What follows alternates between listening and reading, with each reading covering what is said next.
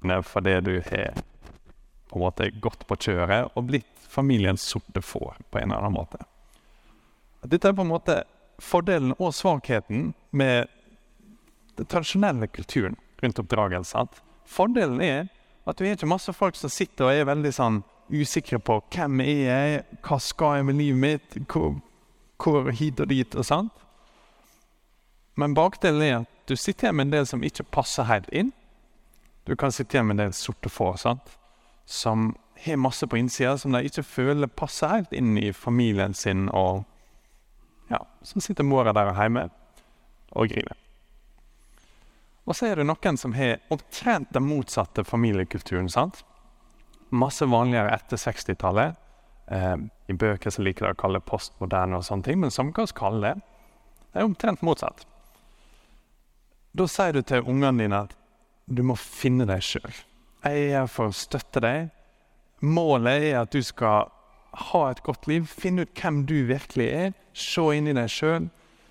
Eh, gjør sånn som alle gjør i Disney-filmer. Oppdag hvem du er, og så vil alt åpne seg for deg.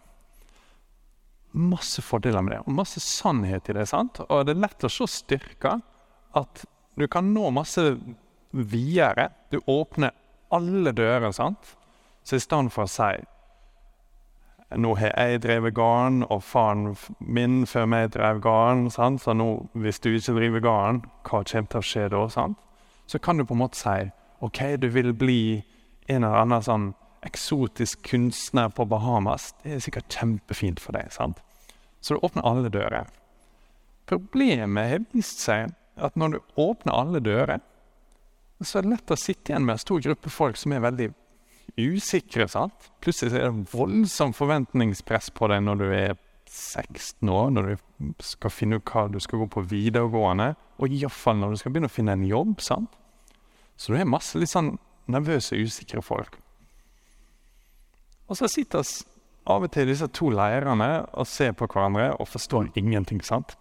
De to leirene er så forskjellige at selv om det fins mange graderinger mellom, og jeg vil tippe dere alle er et eller annet plass på dette spekteret, så er det vanskelig å forstå folk fra en annen kultur. Og så er det en sånn ting som folk sier hele tida. Jeg vet ikke helt hvor det kommer fra, og jeg vet ikke helt om det stemmer for deg, men folk sier at måten oss tenker om våre egne foreldre, og måten oss er vant med at ting funker hjemme, har en tendens til å bli med oss over når vi leser Bibelen, om at Gud skal være vår far. Og det er litt interessant, sant? Når vi kommer fra så ulike plasser. Vanligvis så tenker vi på dette som har du en god eller en dårlig far. Det er den vanlige. Nå prøver jeg å gi dere en litt annen. Har du en tradisjonell, eller har du en mer sånn postmoderne finn deg sjøl-oppdragelse? Det er ganske masse å si når vi skal se på disse tekstene. Så kan du se på dem nå.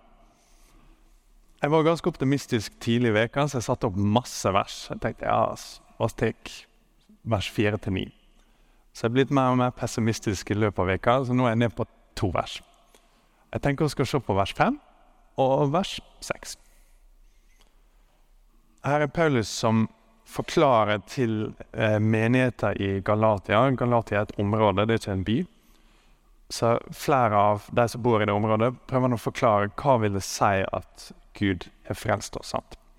Og så sier han han skulle kjøpe fri de som var under lova, så vi kunne få retten til å være Guds barn. De oversetter det sånn på norsk.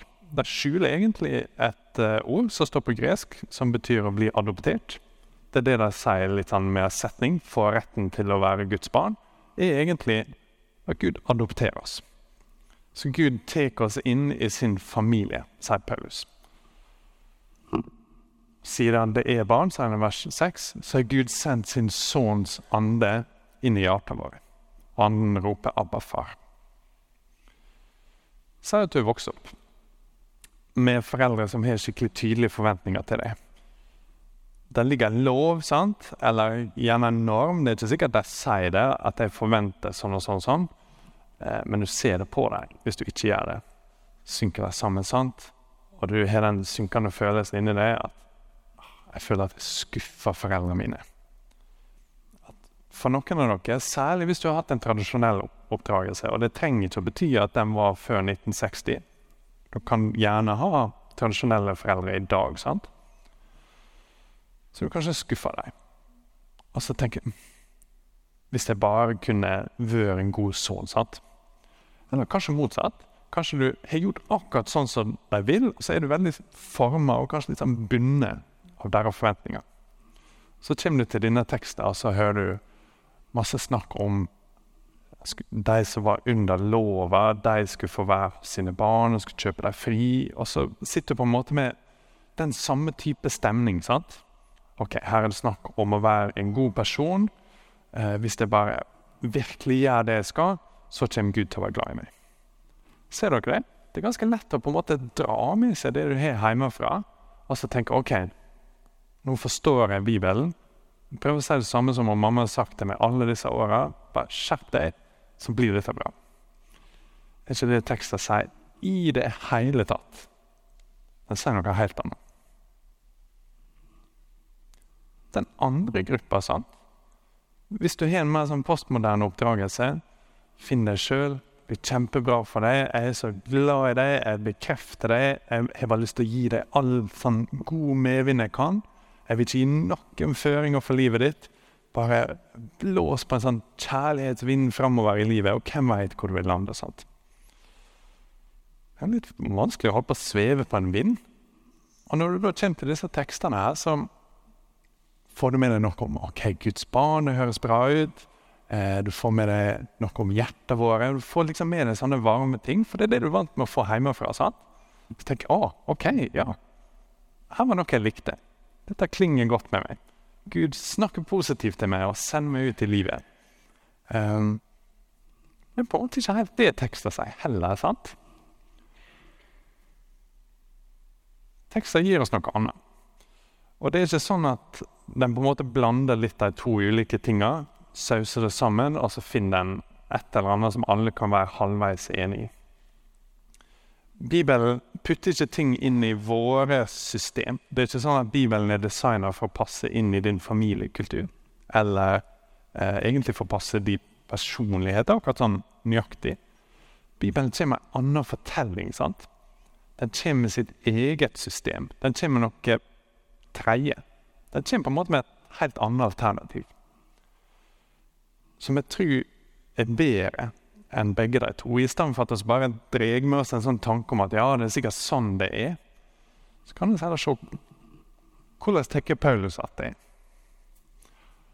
Han sier han skulle kjøpe fri de som var under lova. Dere har hørt det før, alle dere, tror jeg, at Bibelen har helt fra starten av en tanke om at noe gikk feil etter skapelsen med syndefallet. Det er noe som går gale med Adam og Eva. sant? Og så er det sånn at oss må kjøpes fri, er måten Paulus forklarer det herfra. Så det er en transaksjon som må skje. Der er noen som er skyldige. Alle oss, hele menneskeslekta, er skyldige. Og dette er sånne ting som tradisjonelle familier og tradisjonelle kulturer liker godt. sant? OK, ja, jeg kan forstå det. Noen må fikse noe som er gale. Men måten det blir fiksa på, er sånn at oss ender opp med retten til å være Guds sine barn. Måten Gud ender dette opp, ender opp med å løse det på, er ikke en sånn kald, trist, tung måte. Det er en nydelig, varm måte. Det er en skikkelig relasjonell forståelse Paulus har av det som skjer med alle som blir kristne. Jeg syns det er kjempespennende det han sier, at vi får retten til å være Guds barn. Det kan være litt nyttig å eh, runde opp i en misforståelse som ofte kommer opp. da. For det er naturlig å si da, for mange er ok, bli adoptert som Guds barn. At noen skal bli Guds barn. Det høres veldig rart ut for oss lærer på søndagsskolen at alle er Guds sine barn. sant? At enten du er fra øst eller vest, enten du er muslim, hindu eller sånn, så har Gud skapt alle, og alle er like masse verdt. Alle er Guds sine barn i den forstand. Og det stemmer. Gud har skapt alle. Og som far til skapelsen sin, på en måte, så kan alle si eh, jeg er et Guds barn, Gud har skapt meg i sitt bilde. Jeg er skapt av ham. Men det er ikke det det er snakk om i tekstene som snakker om adopsjon. Og, og ser det litt ut ifra det neste verset Siden det barnet har Gud sendt sin sønns ande i hjertet vårt. Det er det snakk om her, og som går igjen i hele dette brevet. Paulus snakker igjen og igjen om sånne ting som den salmen og akkurat sang handler om. At vi skal være forent med Jesus. Han snakker om å være i Kristus. Han snakker egentlig om at Gud tilbyr oss det forholdet som han har til Jesus. Det er ikke bare snakk om å være Guds barn i det generelle, på en måte. Det er snakk om at Gud, vår far, har et helt unikt forhold til Jesus, Guds sønn, som han har lyst til å dra oss inn i. Han har lyst til å adoptere oss inn i det forholdet han har til sønnen sin. Paulus sier at alle som blir kristne, får Den hellige ande som i denne teksten gjør en veldig konkret ting. Han er inne i hjertet våre og roper 'Abba, far'. Abba er et arameisk ord som er litt sånn Det er store diskusjoner om akkurat nøyaktig hva det, det betyr. Noen foreslår at vi kan oversette det bare med 'pappa', for det er skikkelig nært. Det er liksom noe en unge sier til sin far. sant? Det er skikkelig intimt, og det er ikke noe som du bruker som en sånn formell tittel. Det er nesten aldri brukt i bønner til Gud, verken av jøder eller av de tidlige kristne. Det er ganske sånn spesielt for Jesus. Jesus bruker det.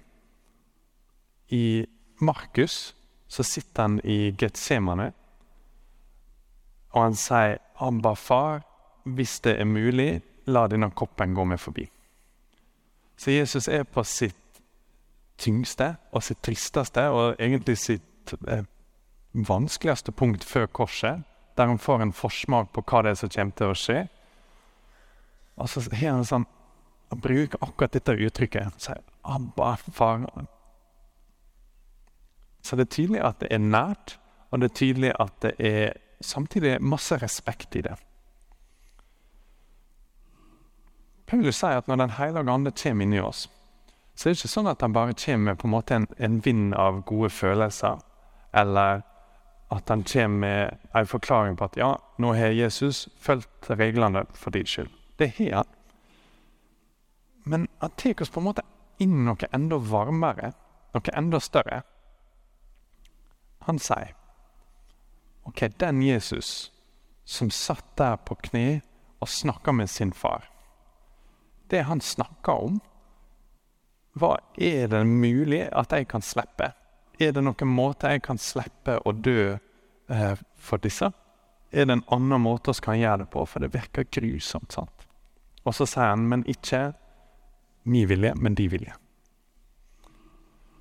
Når Den hellige ande kommer inn i oss, så roper den 'Abba, far', ikke på en sånn trist måte. Sånn, 'Å, nå skal jeg inn i noe vanskelig'.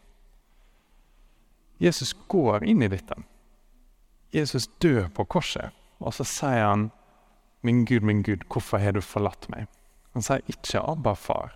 Da, da er han plutselig avstand. sant? Han siterer noe i Gamle testamentet fra Salme 22 som har et mer sånn avstand i ordene det bruker, enn akkurat dette 'Abba, far'.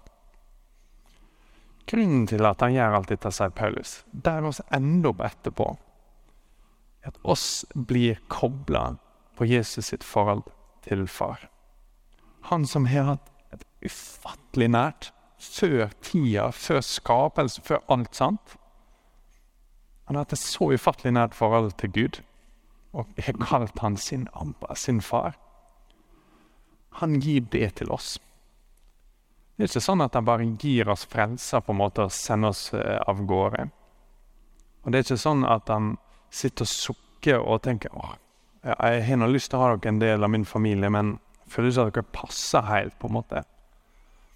Han sier 'kom og ta min plass'. Jeg kaller min far Abba-far. Og jeg har betalt alt som går an å betale for at dere også skal kalle han Abba-far. Det Paulus sier her, er at når Jesus kjøper oss fri, så kjøper han oss også en plass som er sin plass. Han bytter plass med oss, på en måte. Han tar alt det tunge for oss. Og så sitter ikke oss igjen i null, men oss sitter igjen med det han fortjener. sånn. Så gir han oss Den hellige ande, som i teksten er kalt sin sønns ande, inn i hjertet våre. Og anden roper 'Abba, far'. Dette er masse å si for hvordan du tenker om kristendommen, og iallfall hvordan du lever den ut. For det første så bør dette tine opp hele greia. Det bør ikke være en sånn kald og litt tung ting. Dette er kjempevarme ting, sant? Det er sånn tredje alternativet som Bibelen kommer med. Skikkelig appellerende, syns jeg, fordi det er så relasjonelt. Det er en konkret relasjon som vi blir dratt inn i, og den er varm, den er kjærlig, og den er trygg. Og en konkret annen ting jeg tenkte på som dette kan bety for oss, er at det er en skikkelig motivasjon til å be til Gud som sin far. Når Jesus begynner Fader vår med vår far, sant? så handler det om disse tinga her. Gud er faktisk vår far. Han inviterer deg inn til å snakke med han, ikke som sin distanserte Gud som er litt sånn kanskje egentlig sur på deg, men som den Gud som har et så nært forhold til Jesus, som han nå deler med deg og med alle som tror på han. Sier 'Kom til meg'. Kom til meg, si 'Abba, far', og hvil i min kjærlighet. Og ber en bønn i lag. Gode, gode far.